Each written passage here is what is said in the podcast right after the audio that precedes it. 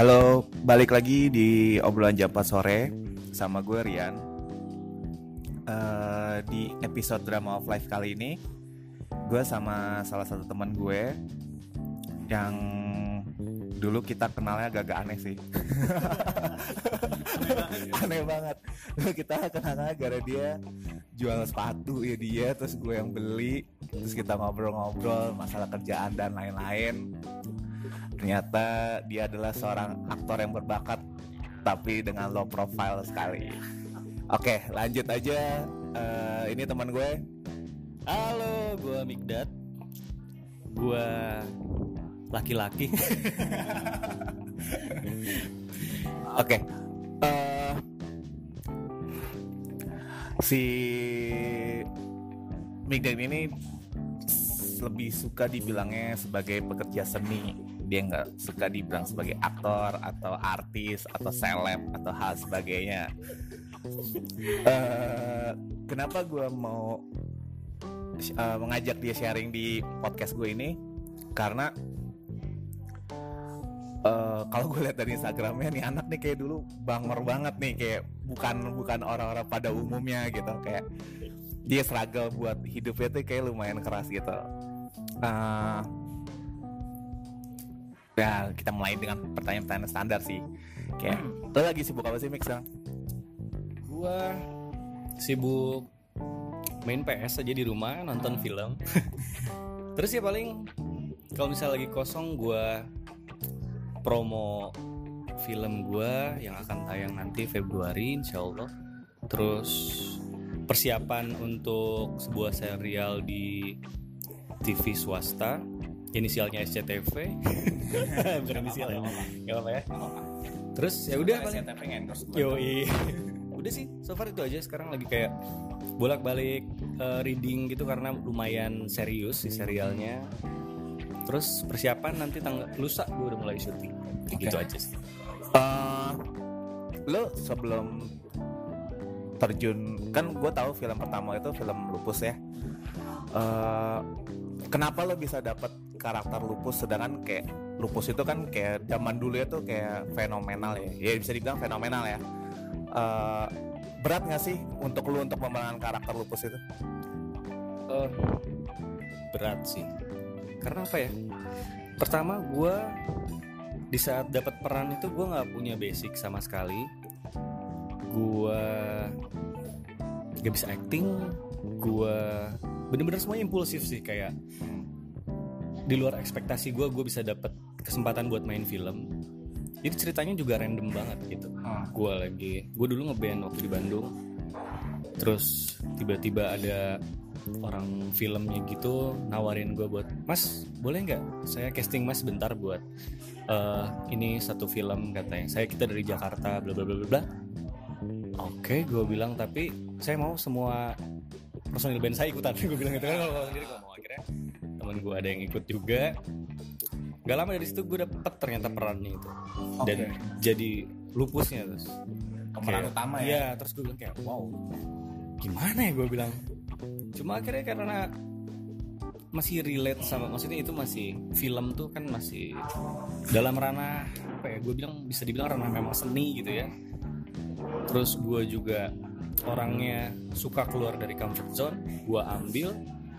Cuma untuk masalah berat memerankan lupus sih jelas berat karena kan namanya memerankan tokoh yang sudah ada itu pasti akan menjadi ada yang suka ada yang enggak gitu ya. pasti jadi bahan comparean tapi if you never try you will never know. Akhirnya gue ambil. Eh, itu pas dapat pertama peran lupus ya. Terus eh, itu teman-teman band lo gimana? Teman-teman gua.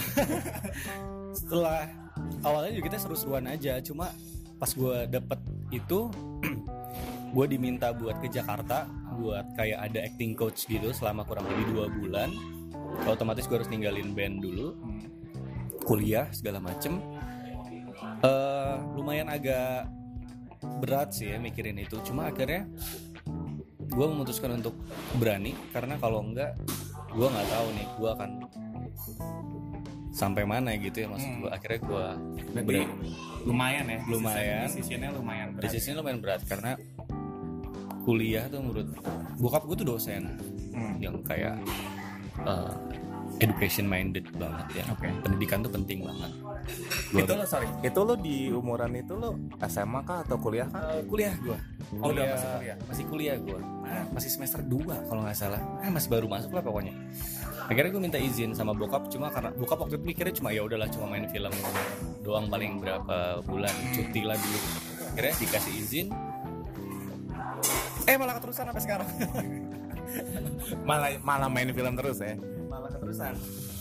Eh, terus pas fase lupus itu terus abis itu lo akhirnya lo ngapain lagi tuh? Oke, setelah dari eh, film itu kan sebelum setelah syuting itu tuh nunggu tayangnya tuh ada kayak jeda selama setahun gitu kan. Setahun tuh kayak gue balik lagi sama kehidupan gue sebelumnya. Hmm. Setelah selesai syuting itu, gue balik lagi ke Bandung ya gue kuliah ngeband lagi segala macem. Oh kuliah selesai tuh akhirnya. Kuliah nggak? Ah, Oke. Karena di pertengahan ada tawaran pekerjaan yang mengharuskan gue bolak-balik Jakarta terus syuting kuliah syuting kuliah syuting kuliah sampai akhirnya nggak bisa nih gue kayak gini terus. Jadi ya kuliah gue terbengkalai kan nggak full gitu gue juga nggak konsen terus kerjaan juga jadinya setengah-setengah gitu. Terus akhirnya gue harus memutuskan untuk gue mau gimana nih gitu. Gue apakah gue mau stay terus di kerjaan gue yang ini atau gue milih kuliah aja gitu Hmm, oke. akhirnya gue memutuskan untuk Hijrah, hijrah. Eh, hijrah apa yang namanya ya ke Jakarta lah pindah ke Jakarta. Ah, berarti lo sekarang nekunin profesional aktor ya, bisa dibilang ya?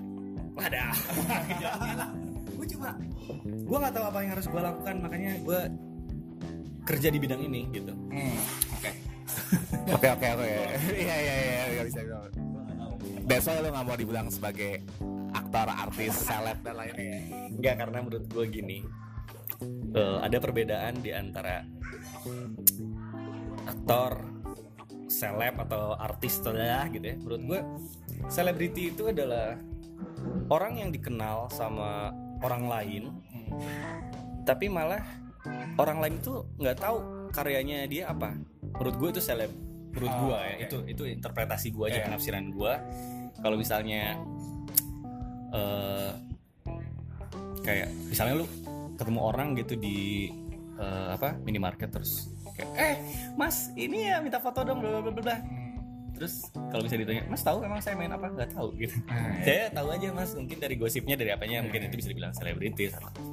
Kalau misalnya aktor ya nggak- mungkin memang dia gue bisa menganggap seseorang itu sebagai aktor kalau dia bisa bertanggung jawab dengan hasil karyanya itu menurut gue ya aktor itu adalah eh, orang yang memang mendedikasikan hidupnya untuk eh, seni peran menurut gue kalau lo masih punya eh, money oriented atau pengen terkenal atau pengen kaya lo nggak bisa dibilang aktor menurut gue menurut gue ya kayak beda lagi. Makanya gue berada di antara itu semua gitu. Gue antara idealis sama realistis. Jadi ya terserah lah orang mau bilang gue apa tapi kalau lo bilang gue seleb enggak. Bukan karena gue nggak terkenal itu.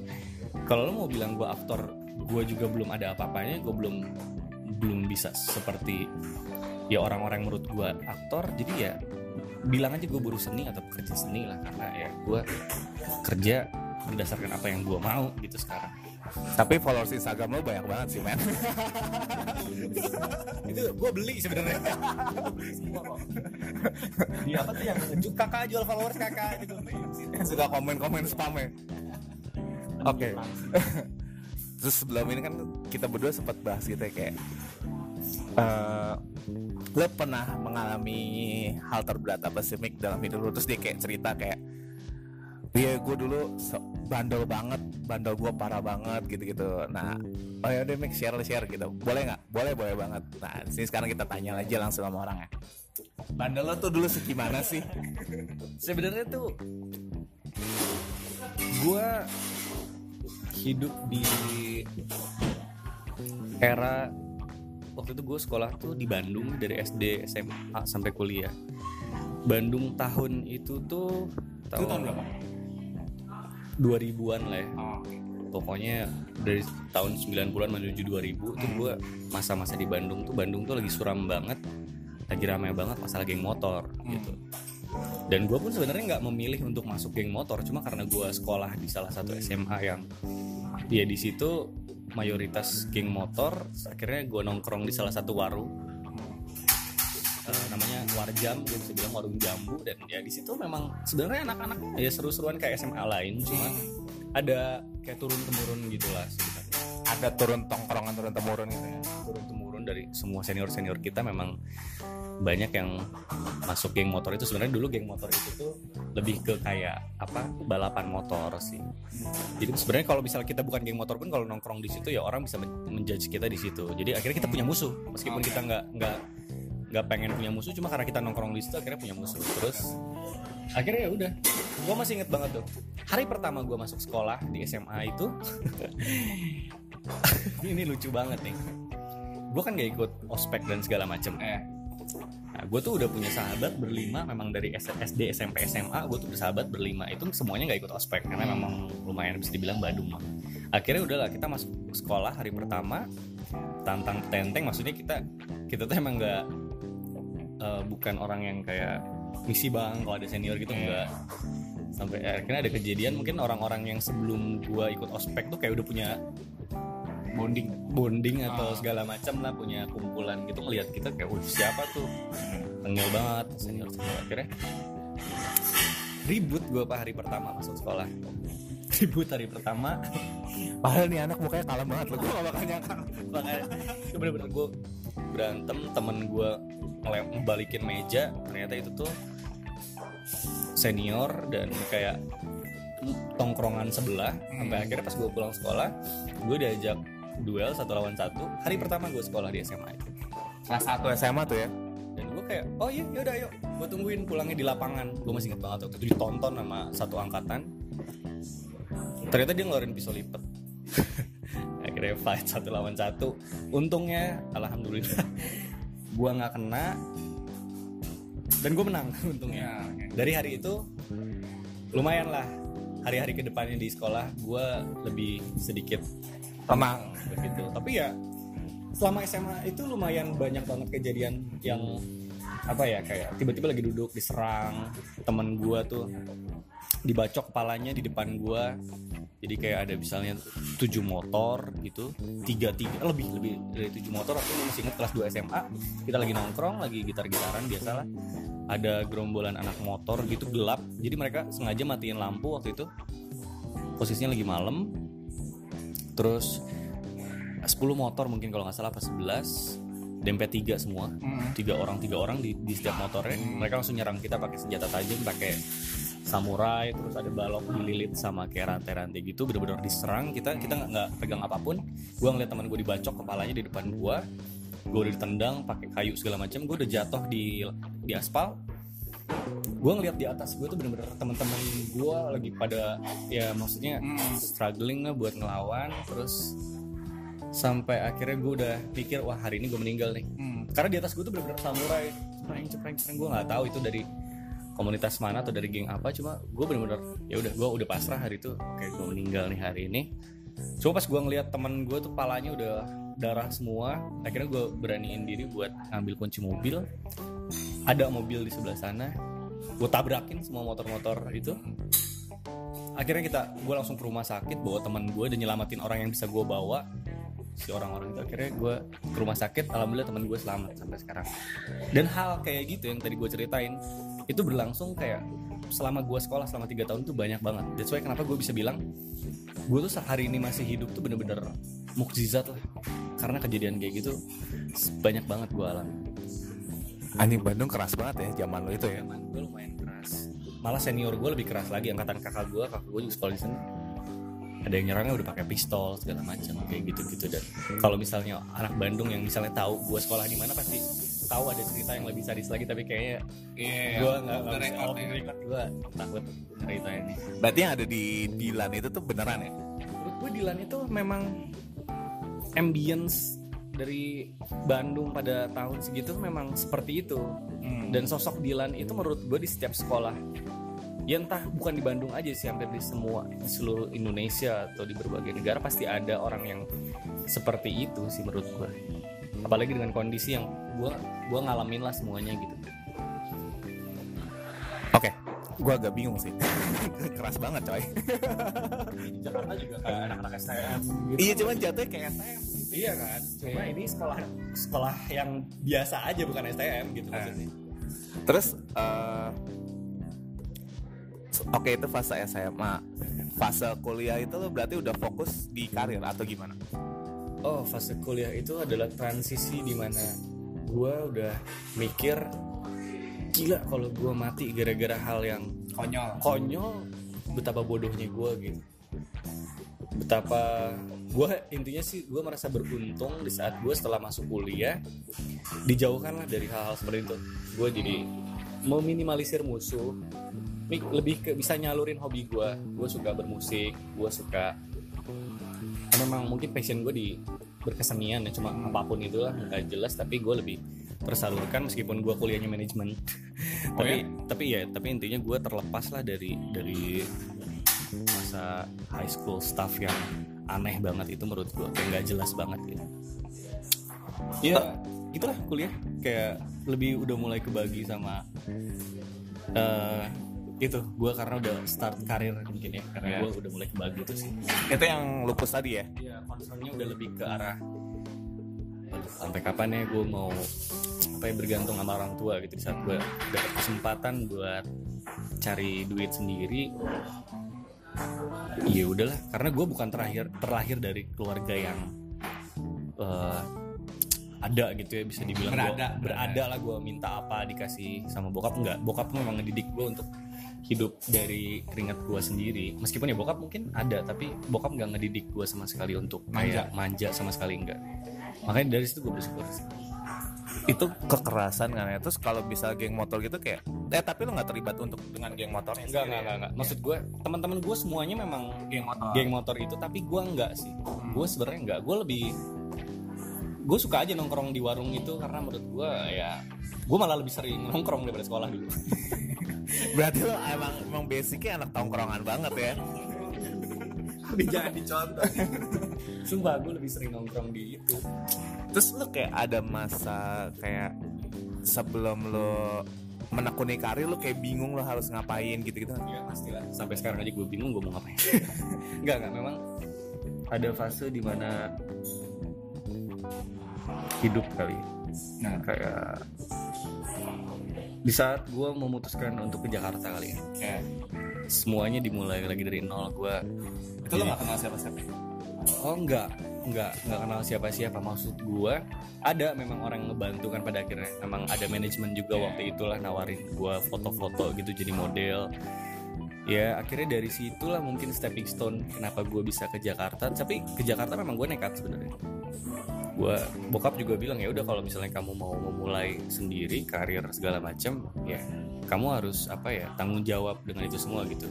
Komit gitu. Ya udah akhirnya gue berani ke Jakarta tanpa uang sepeser pun dari orang tua nebeng sana sini. Oh ya lo sempet nebeng sana sini? Iyalah maksud gue tinggal Itu udah setelah main film kan? Setelah cuma kan kayak ya lo memulai semuanya dari nol gitu. Lo Oh, bener-bener oke. karena eh, apa domisili gue bukan di Jakarta yang memang oh ya mungkin beberapa orang yang lebih beruntung dari gue yang tinggal ya tunggu aja ada job. Nah, kalau gue memang harus berpikir gimana caranya gue bisa bertahan hidup dengan uang yang pas-pasan. Gue bukannya mau soal drama-drama tapi Iya. ini kayak apa ya mungkin sedikit sharing proses hidup aja kali ya. Karena emang tujuan gue bikin podcast ini sih kayak biar orang yang ngerasa sendiri lonely atau dia nggak punya apa-apa tuh kayak bisa bisa terinspirasi sih kayak gitu. drama cuma ya menurut gua kayak hidup memang apa ya butuh proses kayak step by step gitu. Eh justru kalau misalnya gua nggak berada di posisi itu gua nggak tahu apakah gua punya pemikiran kayak sekarang atau enggak gitu ya maksudnya. Gua eh berpikir kalau bijaknya gini lah sebijaknya kayak kurang lengkap dan nggak berkesan rasanya kalau kita berada di puncak paling tinggi tapi belum pernah berada di Titik paling bawah. titik paling bawah gitu. Makanya kayak oke gue bisa ada di sini aja gue bersyukur. Cuma dulu memang struggling kayak gue mau syuting aja gue pernah tidur di parkiran minimarket gitu karena nggak masuk kalau misalnya gue nyewa hotel. mobil belum belum belum belum. Gue masih nebeng sama teman gue waktu itu struggling bareng juga ada kawanku. Terus ya dan nginep gitu di minimarket. Sampai nunggu besok buat mulai lagi pagi syuting. Karena kalau misalnya gue nginep di hotel atau pulang pergi waktu itu gue nebeng di temen gue tuh di Bintaro lokasinya di Bekasi. Bayangin men gimana pakai taksi aja udah udah udah mahal banget mahal banget ya. Pokoknya intinya nggak masuk lah sama budget ya udah dan tapi dulu gue menikmati itu gitu maksudnya bukan yang jadi wah gue gimana nih? gitu gue hidup nggak ngeluh ya? Untungnya mungkin si ada sisi baiknya di setiap hal. Karena dulu gue ngerasa diri gue bandel jadinya yang gue emang bisa tidur di si Kedu tuh ada banyak circle. K gitu kan kayak oh, oh, kayak gitu terus lu bisa tidur di mana aja terus jadinya pas gue memulai semuanya jadi kayak biasa aja menurut gue ya lah gue masih tidur di mobil gitu masih di parkiran. Mungkin orang ada beberapa yang serius udah dulu kayak gitu. Gue merasa itu hal biasa aja gitu. Karena menurut gue nggak ada nggak ada yang aneh gitu ya sama perjuangan gitu. Karena kalau lo mau tiba-tiba ada di atas menurut gue gitu ya orang yang naiknya tiba-tiba gue percaya ya dia nggak akan lama di puncak lah Iya sih instan gitu jadi kayak star syndrome tiba-tiba ya? Star syndrome. Sebenarnya tuh kalau ngomongin star syndrome gue percaya bahwa semua orang itu akan star syndrome kalau dia diberikan posisi seperti itu. Tapi ada orang yang bisa meminimalisir itu.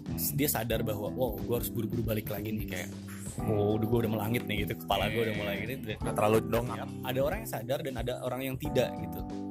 Kebanyakan orang yang mungkin yang bisa dibilang star syndrome itu dia nggak nggak sadar bahwa dirinya star syndrome gitu. Mereka ngerasa dirinya ya I deserve this bla bla bla bla bla. Lo siapa? Gue udah jauh lebih lama dari lo. Gue lebih kaya dari lo. Mungkin kayak gitu ya. Tapi lu fase di star syndrome itu juga ada nggak? Star syndrome. Mungkin karena gue nggak pernah merasa diri gue star ya. Mem- mungkin karena memang gue bukan star jadinya ya balik lagi lah. Kita nggak pernah bisa menjudge diri kita. Cuma mungkin kalau misalnya ada orang yang bilang oh melihat, melihat. ya gue nggak tahu. Cuma so far sih gue tetap menemukan rumah di saat gue ketemu teman-teman lama gue gue nggak nggak bisa kalau bisa teman kan kalau misalnya ketemu teman-teman di Bandung tuh lebih kayak jarang lah yang ngomong bahasa Indonesia. Semuanya tetap ngomong bahasa Sunda. Dan segala macam gue nggak bisa yang sok-sokan gue udah lama di Jakarta terus tiba-tiba ngomongnya. Gue lo gue enggak gue tetap lebih nyaman dengan kehidupan gue yang di Bandung. di Bandung dan sahabat-sahabat gue itu memang menerima gue di saat dulu gue bukan siapa-siapa nggak punya apa-apa. Mereka melihat gue sebagai sahabat yang memang sahabat dan itu susah men ditemuin. Menurut apalagi zaman sekarang ya. Di zaman sekarang menurut gue ya itulah. Tetap gue merasa diri diri gue berada di rumah itu di saat gue ketemu sama ada sahabat-sahabat gue dari kecil dari TK gue sahabat. Itu teman band lo juga temen pernah lah ngeband bareng sama-sama waktu SMP bukan yang terakhir. Cuma yang bukan yang terakhir yang terakhir lebih kayak udah mulai mau mulai serius gitu. Kayak gitu sih menurut gue star syndrome akan lebih apa ya enaknya dibilangnya ya itulah. Mungkin gue juga takutnya gue nggak sadar bahwa gue hilaf. Cuma ya balik lagi sama itulah orang mungkin pasti nggak ada yang niat sih buat star syndrome. Cuma mereka nggak nggak tahu aja mereka melakukan itu terus eh, apa sih rasanya ketika lo dapet popularity itu tuh famous yang lo dapet itu apa? Apa rasanya? Nah, famous terlalu terlalu gimana ya? Popularity lah. Popularity. Sebenarnya gua dulu tuh orangnya pemalu banget men. Oh ya? Introvert? Nggak nggak bisa dibilang introvert cuma kayak contohnya gue disuruh ke depan kelas misalnya eh, storytelling atau apa gue tuh nggak bisa. Gue tuh bener-bener pemalu. Pertama manggung aja gue udah mau kencing dulu padahal gue bukan vokalis gue cuma megang gitar backing vokal tuh bener-bener tegang banget. Gue tuh nggak suka diperhatikan sebetulnya. Nggak suka jadi exposure apa expo, punya exposure yang terlalu tinggi jadi ada spotlight buat gue sebenarnya gue kurang nyaman. Makanya menurut gue agak aneh. Sekarang gue main film which is di mana jutaan orang bisa nonton gue ribuan orang bisa nonton gue even kru tempat aja juga banyak banget. ya Gua- dulu tuh gue lumayan wah gila sampai dimarah-marahin sutradara karena nggak bisa gitu. Gue nggak bisa diperhatiin sama orang gitu. Tegang men ya akhirnya eh, nggak tahu kenapa mulai ya mungkin learning by doing ya. Akhirnya ngerasa bahwa oh adalah beberapa pelajaran yang diambil eh, perspektif yang berubah di saat gue udah mulai masuk industri ini gitu. Cuma dulu gue pemalu banget sampai akhirnya menurut gue bersosialisasi itu penting punya kawan itu penting punya eh apa ya pengalaman hidup. Kayak akan perspektif tuh menurut gue adalah is the new rich. Jadi di saat kita punya beberapa sudut pandang punya apa ya pegangan atau temen yang emang lebih berpengalaman atau kita kayak sharing gitu ngebantu gue di saat gue gugup atau di saat gue kayak anjing gue nggak bisa nih gue harus gimana ya misalnya. Belum dapat nih ilmunya nih. Dapat nih ilmunya nih. Kemampuan untuk bersosialisasi untuk berani bertanya untuk merasa gue belum berkapasitas itu penting. Karena di saat lo masuk ke dunia baru tapi lo menganggap diri lo wah gue nih adalah ini. Saya saya bentar Mbak, yang di situ nggak usah di sini dulu biarin aja. Kalau boleh pindahin ke sini aja. Ya kalau boleh. Ya iya. Tapi aslinya boleh nyalain ya? iklan. Iklan iklan. Apa ya? Tadi ngomong gue ngomong apa ya? Eh, star syndrome. Eh, perspektif lo. Iya, itu. Jadi menurut gua gini kayak di saat lo berada atau masuk ke dalam sebuah space baru tempat baru dan lo membawa diri lo adalah lo sebagai ini sebagai itu. Di saat ternyata kapasitas lo belum sampai Masih iklan. Oh iklan. Lagi terus? Jadinya lo bakal malu lah buat bertanya. Tapi bentar bentar gue pause dulu nih. Ada musik tiba-tiba bentar. Ya lanjut lagi. Iklannya banyak tadi tapi perspektif ya Mik ya ngomonginnya. Intinya gue belajar dari situlah. Belajar apa ya? Belajar selalu tahu dari mana gue berasal. Tahu bahwa gue tuh masih belum apa-apa belum punya apa-apa. Jadi kayak saat gue masuk ke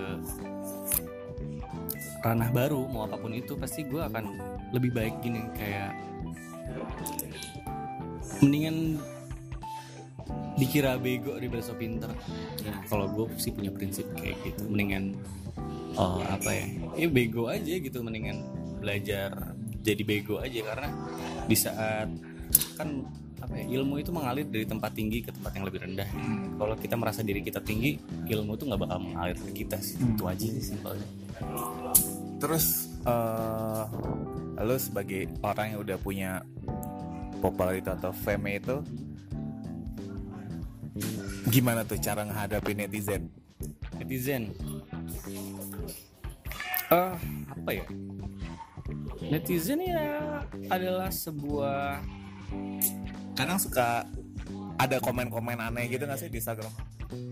Banyak lah pasti maksudnya orang yang menjudge kita lebih dari keluarga kayak lebih tahu kita daripada kayak keluarga kita sendiri gitu ya. Cuma pada akhirnya karena kita hidup di era yang memang serba digital informasi secepat itu datangnya gitu ya kita bisa dapat informasi secepat itu bisa langsung kepo dan dengan segala macam langsung in a sec ya. Iya, sek gitu kayak lo bisa tangkap itu tanpa lo harus cari tahu dulu itu bener atau enggak sumbernya jelas atau enggak.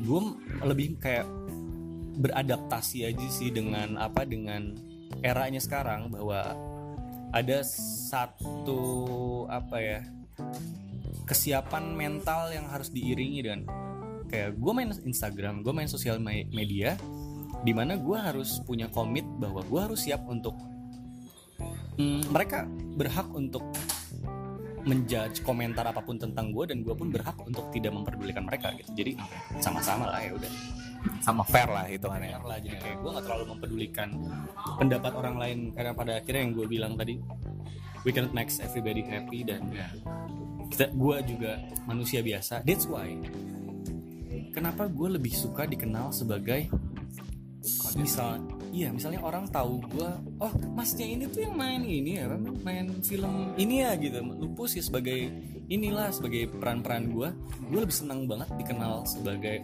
itu gitu. Hmm. Karya gue eh mas yang main film ini yang ma- yang pernah main ini ya gue lebih seneng orang mengenal gue sebagai itu. Karena di saat orang uh, apa ya katakanlah fans atau suka sama kepribadian gue sebagai Mikdat Mikdat ini cuma manusia biasa aja yang punya kesempatan kebetulan aja bisa main film. Gue tapi akan melakukan kesalahan suatu hari nanti. Orang itu pasti nanti akan kecewa sama gue gitu tapi kalau lo misalnya suka sama gue karena karya gue karya gue nggak akan pernah berubah sampai kapan pun gitu. Sampai gue mati pun karya gue tetap itu tetap ada. Tetap ada gitu. Oke itulah menurut gue Ya, emang lu emang lu pekerja seni banget sih. Nggak tahu nggak tahu. Itu kayak pikiran random gue aja sih selama ini. Gue nggak mau orang-orang terlalu tahu gue tuh adalah Migdat gitu. Janganlah udah lu tahu gue main apa aja gue karya gue apa aja gitu lu tonton itu terus aja daripada lu suka sama gue Migdat tuh nama panggung atau bukan? Belum belum belum.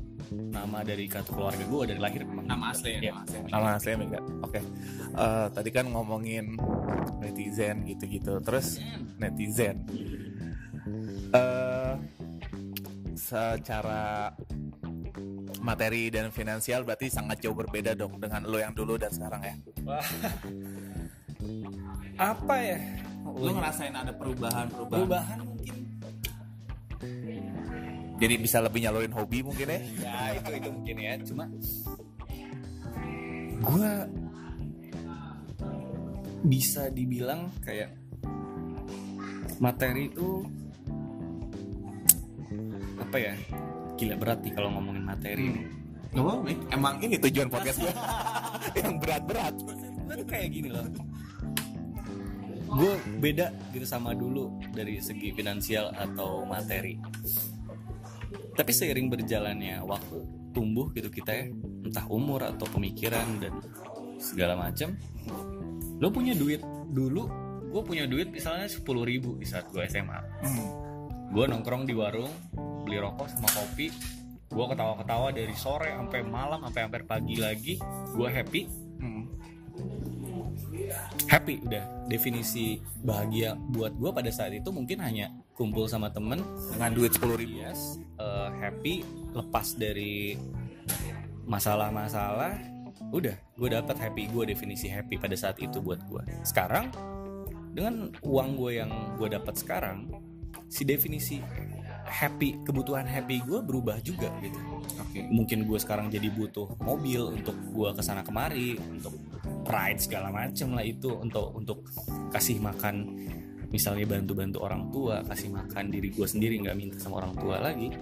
Menurut gue cuma Tuhan maha adil sih sebenarnya. Hmm. Tuhan ngasih gue tempat dan gue sekalian dikasih ya. Sesuai aja sih sesuai porsinya gitu tapi beruntungnya gue ya karena gue pernah berada di posisi yang dulu ya katakanlah gue nggak punya duit pun teman-teman gue ada yang ngasih rokok ada yang ngasih kopi ini jadi kita bisa happy happy jadi di saat sekarang kerjaan kayak gue tuh benar-benar fluktuatif nih. Hmm. gue ya gue ngerasa kayak mungkin oke bulan ini tiga bulan lu punya rezeki banyak banget tapi bisa the next month lu bener-bener nggak punya kerjaan dan lo harus ya udah let it, let it flow and get low tuh bener-bener kepake banget ilmunya di sini. Jadi ya lo gimana memanage duitnya tuh jauh lebih harus mateng gitu daripada orang-orang yang punya kerjaan tetap kayak kantoran gitu loh menurut gue dan itu banyak yang orang nggak tahu ya? Banyak yang nggak tahu karena maksudnya kayak orang tuh ngelihat dengan popularity yang bagus kayak wah dia pasti ada duit aja gitu-gitu. Pasti kayak berdampingan lah eh, si misalnya orang yang terkenal tuh pasti kaya atau orang yang eh, kaya pasti bahagia gak sih menurut gue nggak semua yang kelihatan jelas di mata itu sejelas itu aslinya sih kayak gue masih bisa kok maksudnya mikirin eh, aduh besok gue makan apa atau besok gue ngapain ya atau besok gue ada nggak ya bulan depan kayak gitu tetap selalu ada selalu kepikiran anak muda pada umumnya ya. Udah pada umumnya. Normal lah gue juga normal lah pasti kayak punya duit seberapa banyak pun menurut gue kalau pikiran gue nggak bisa dikontrol kebutuhan gue nggak bisa di apa ya bukan kebutuhan sih lebih kayak hasrat untuk mempunyai lebih itu selalu bertambah terus gue nggak pernah bisa merasa cukup sih. Apalagi hidup di Jakarta menurut gue kadang dengan apa ya teman-teman yang eh, terus. Apa ya kayak intinya setannya banyak lah gitu. Iya, setannya iya, banyak lah. Simpelnya setannya banyak. Kalau lo nggak bisa mengontrol diri lo lo nggak tahu nggak lo nggak punya filter dalam pertemanan bablas sih. Habis sih. Rezeki. Habis. Kelar sih gitu aja. Kelar sih. menarik. Iya sih? Iya iya iya gue sih gitu. Karena gue pernah ikut-ikutan nih teman gue yang kayak oke senin di sini nanti selasa kita nongkrong di sini ya terus malam minggu di sini udah ada jadwalnya tuh. Gue pernah berada di posisi itu selama kurang lebih berapa tahun ya dua tahun tiga tahunan. Wah gue mau dapat duit seberapa banyak apa pun nggak akan pernah cukup gitu. Karena gue nggak tahu apa yang gue butuhin dan apa yang gue inginkan tipis tuh bedanya. Nah, sampai akhirnya gue punya filter. Oh ini ini gue cuma pengen doang nih BM doang nih. Kalau kalau ini emang gue butuh nih gue harus beli kayak gitu gitulah terus eh lo punya die hard fans gak sih? Lo punya die hard fans gak sih? Enggak sih. Enggak. lebih ke apa ya? Fans cewek banyak tapi kan? Gue lebih enggak sih. Gue bukan punya atau fan ba- fan base gitu Iya, fanbase gitu. gue fan base. Sih happy happy aja. Tapi ada. Adalah mungkin beberapa mungkin gue lebih bilang support system aja sih Ah, orang-orang yang eh, ada terus lah di saat gue ke mana pun gue mereka selalu support mendoakan. Gue selalu lihat sih komen-komen. Kak kak. Aduh kak ganteng banget. Nggak ngerti sih itu mungkin kayak nggak nggak tahu itu. Itu gue nggak bisa bilang itu fans atau apa cuma yang mungkin mereka penikmat enggak juga ya? penikmat atau mereka yang nemu gue gitu di Instagramnya siapa nih? Kan gitu. Followersnya banyak follow ah gitu. Terus gue ikutan ih kakak ganteng banget. Padahal gue cuma ngefoto tangan doang. Emang ada? Iya menurut gue kayak ya gue menganggap itu rezeki aja sih. Kayak orang Bonus. bonus aja. Bonus buat gue terus eh lo abis ini lo mau ngapain lagi? Planning lo ke depan? Planning ke depan. Dari seorang Migdat yang dulu berantem yang hidup di warung nongkrongnya gitu-gitu sampai sekarang punya popularitas dan lain hal sebagainya. Planning lo nextnya lagi ke depan apa? ngikutin apa ya? Gue sebenarnya bukan tipikal orang yang punya planning punya resolusi gue lebih pengen apa ya? Sebenarnya lebih kayak lebih ingin berdamai dengan diri gue sendiri lah lebih pengen bisa menikmati hidup. Lebih bisa bukannya bisa mengontrol pikiran tapi gue lebih pengen kayak gue tidak mau dikontrol oleh oleh pikiran gue kayak gue lebih suka menjalani hidup gue sebagaimana mestinya tanpa ada resolusi sih kadang dengan resolusi itu menurut gue kayak kita apa ya lebih baik eh, pelan-pelan tapi ya terus berjalan daripada terburu-buru tapi banyak berhenti gitu menurut gue. Jadi kayak pengen jalani hidup aja dengan santai, dengan nyaman. Tapi gitu. jalan terus. Tapi jalan terus lah gitu. Gue gak punya resolusi. gak jelas emang hidup gue. Eh by the way lo kemarin dapat award apa? Ah, Festival Film Bandung. Apa sih film Bandung Sebagai Pemeran pria terpuji. pemeran pria terpuji. televisi. Seneng nggak? Hmm, seneng. seneng. Seneng lah maksudnya. Apa ya? Kayak nggak nyangka gitu ya. ya di luar ekspektasi gue karena gue nggak pernah berkarya atas dasar pengen dapet apa piala atau apa atau segala macam.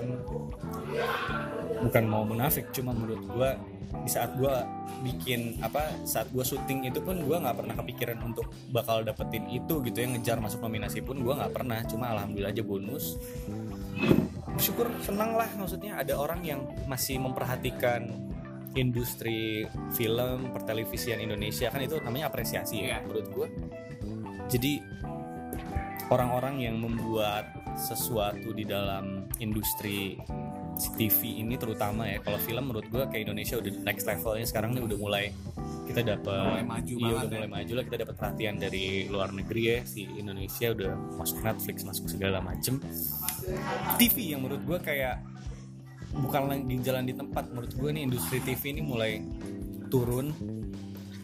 Kenapa turun? Karena saingan nggak apa-apa nih jadi apa-apa. sih. maksud gue ini kayak personal preference. Iya sih kayak lebih ke apa concern gua sekarang nih. Kayak TV menurut gua harus punya barometer lah. Standar. Di mana kalau kita nggak punya standar kita turun terus kita bakal kalah sama YouTube sama segala macam platform media yang bisa menyediakan sesuatu yang lebih proper gitu daripada daripada tontonan yang di TV memang mungkin gratis. Tapi menurut gue kalau lo belum bisa mendidik setidaknya jangan membodohi lah. Karena banyak banget sekarang kayak making stupid people so fucking famous. Kayak Ya, dude kayak stop lah stop stop. Padahal dia nggak punya prestasi apa apa ya. prestasi ya meskipun lo nggak punya prestasi seenggaknya lo jangan bikin hal-hal yang membodohi lah gitu. Kayak lo katakan lo lo sudah menganggap diri lo public figure atau segala macam lah misalnya selebgram atau KOL Influencer ya. influencers.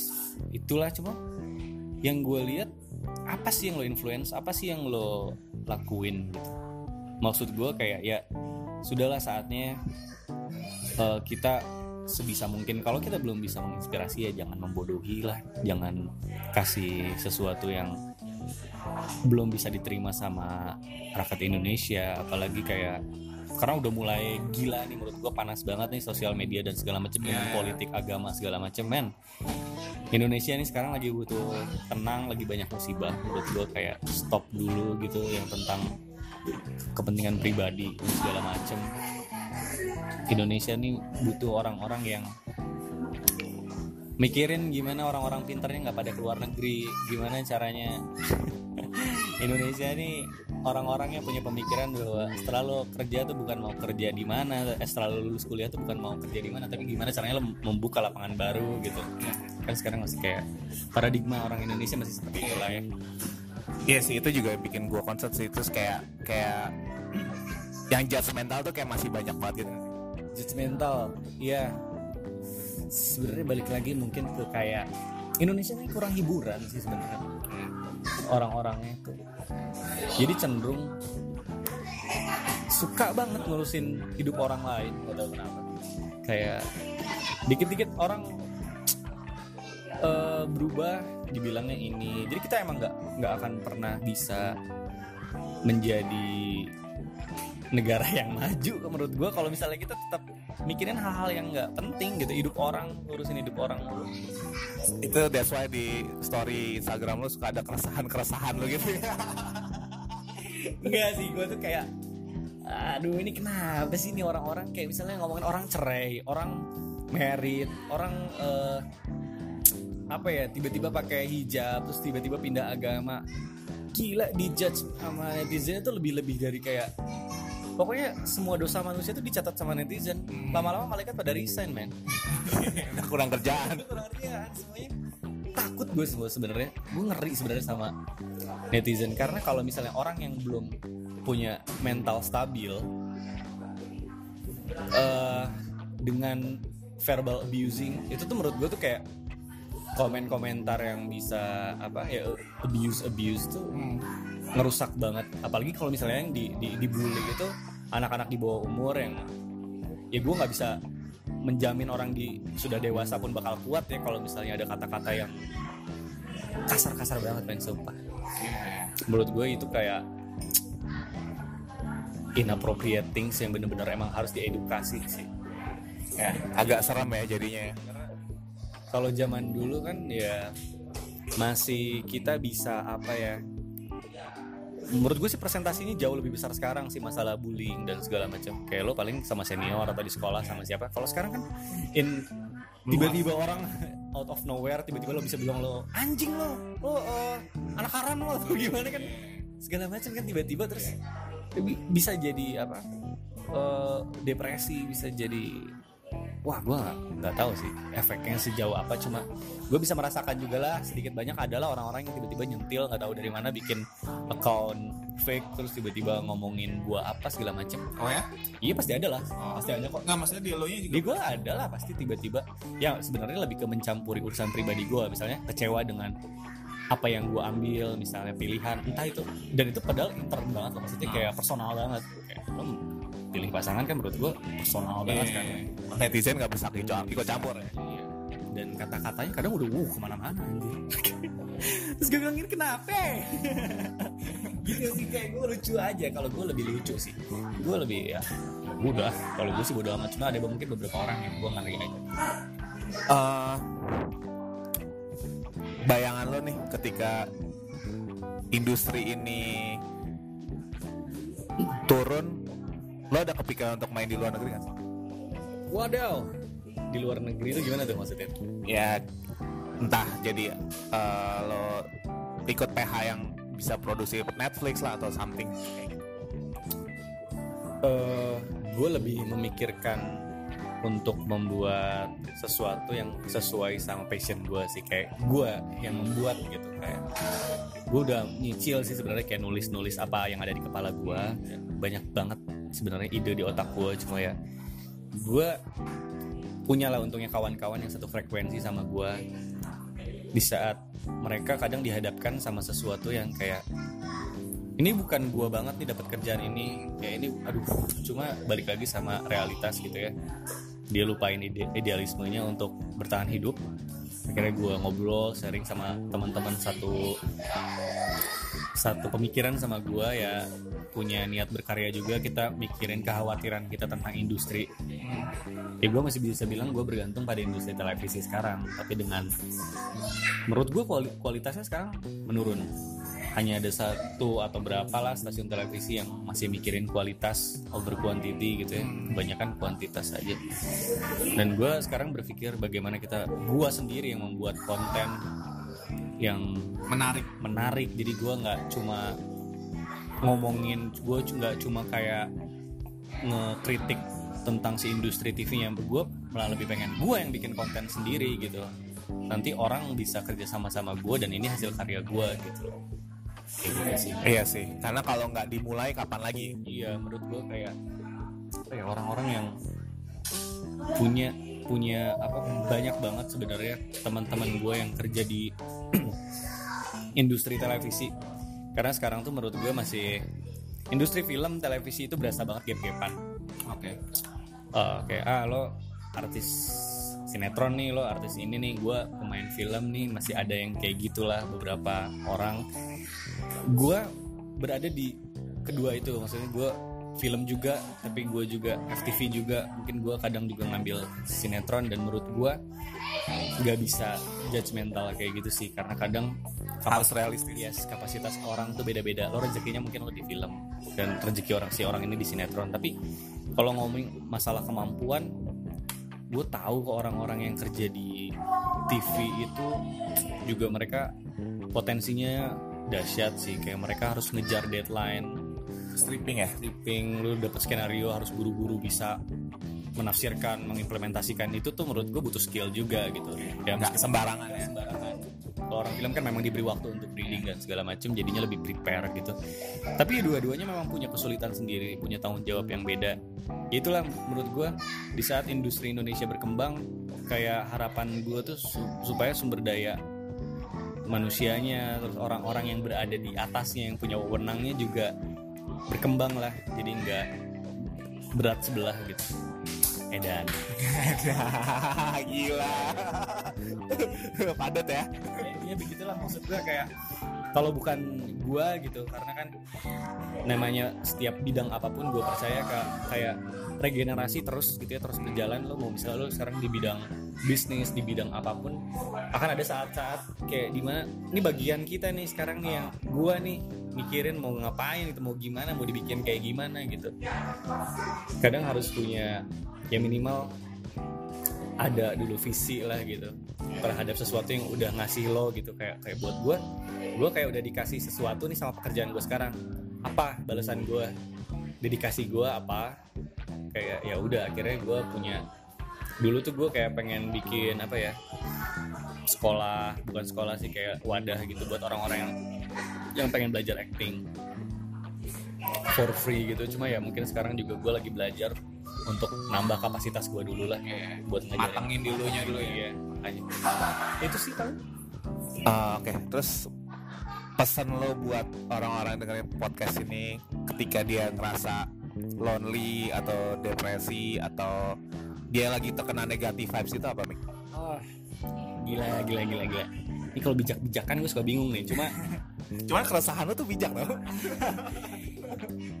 mungkin sih gini sih setiap hari setiap menit setiap detik orang manusia itu ngalamin eh, hari yang berbeda-beda di seluruh dunia gitu ya. Dan gue yakin misalnya lo lagi depresi lo lagi sedih lagi ngadepin masalah apa pun ada orang yang pernah berada di situ. Ada orang yang pernah eh, melewati itu. Kayak gue selalu berpikir di saat gue ada masalah selalu ada di otak gue what the worst could happen kalau gue ngelakuin ini apa sih hal terburuk yang bakal terjadi sama gue apa sih yang paling gue takutin? Dan akhirnya ah gue sempet gila pernah berada di titik depresi sedepresi depresinya. Cuma sampai kepikiran kayak kalau gue ninggalin ya kasarnya kalau gue mati masalah di gue selesai gitu tapi Masalah di orang lain nggak? Iya kan efek domino kan ya. Maksud maksud gue orang-orang yang kita sayang nggak nggak bakal sama sekali menurut gue bukan solusi dan depresi itu bisa ditanganin di saat kita bisa berdamai dengan diri kita sendiri. Maksud gue kayak bumi ini dunia ini bakal terus berputar meskipun lo memutuskan untuk berhenti berjalan. Jadi kalau ya capek, lelah, letih, stres pasti bakal ada di setiap fase kehidupan manusia tapi di saat lo menyerah semuanya tamat menurut gue Edan! Dan berat sih itu. ya udah men. Tenang kalau misalnya lo lagi ah kayak anjing stres banget gitu. Lagi saks banget ya. sucks banget ngerasa lo berada di titik paling rendah. Duduk sebentar istirahat nggak apa-apa. Tapi jangan berhenti. Gitu. siapin aja tenaga buat jalan lagi gitu. Tetap jalan terus. lo nggak sendirian kok. Ah, rezeki gila ini ini dari lo nih tadi nih. Rezeki itu bukan duit doang menurut gue tuh kayak pasti selalu ada jalan yang kita nggak nyangka dat- datangnya dari mana. Sahabat itu rezeki ilmu itu rezeki kesehatan itu rezeki solusi itu rezeki dan kita bisa dapetin itu dari mana Mana pun. mana pun. Dan gue yakin lo yang penting intinya jangan pendem sendirian sih. Harus eh, bakar kalori si permasalahan lo bisa terbakar kok kalorinya dengan lo cerita dengan orang. Cari sudut pandang sebanyak mungkin. Eh, misalnya lo nggak nemu di satu orang ini lo cari lagi. Karena eh, sudut pandang atau pengalaman orang beda-beda dalam menghadapi semua masalah jadi kayak mana yang bisa lo ambil pasti akan nempel di hati lo di saat lo kayak oh yang ini nih udah nggak ada masalah sih Padat. Padat. Sadis. Oke. gue tutup di obrolan jawaban sore ini. Mumpung gak berasa ya udah sejam loh. Sejam? Asli coy. Oke, thank you Mik, thank you banget ya, thank you banget. sama-sama semuanya. Semoga podcastnya jalan terus karena keren banget penting banget. Semoga makin lancar terus berinovasi. Jangan pernah berhenti. berhenti. Gue selalu support. Oke, bye.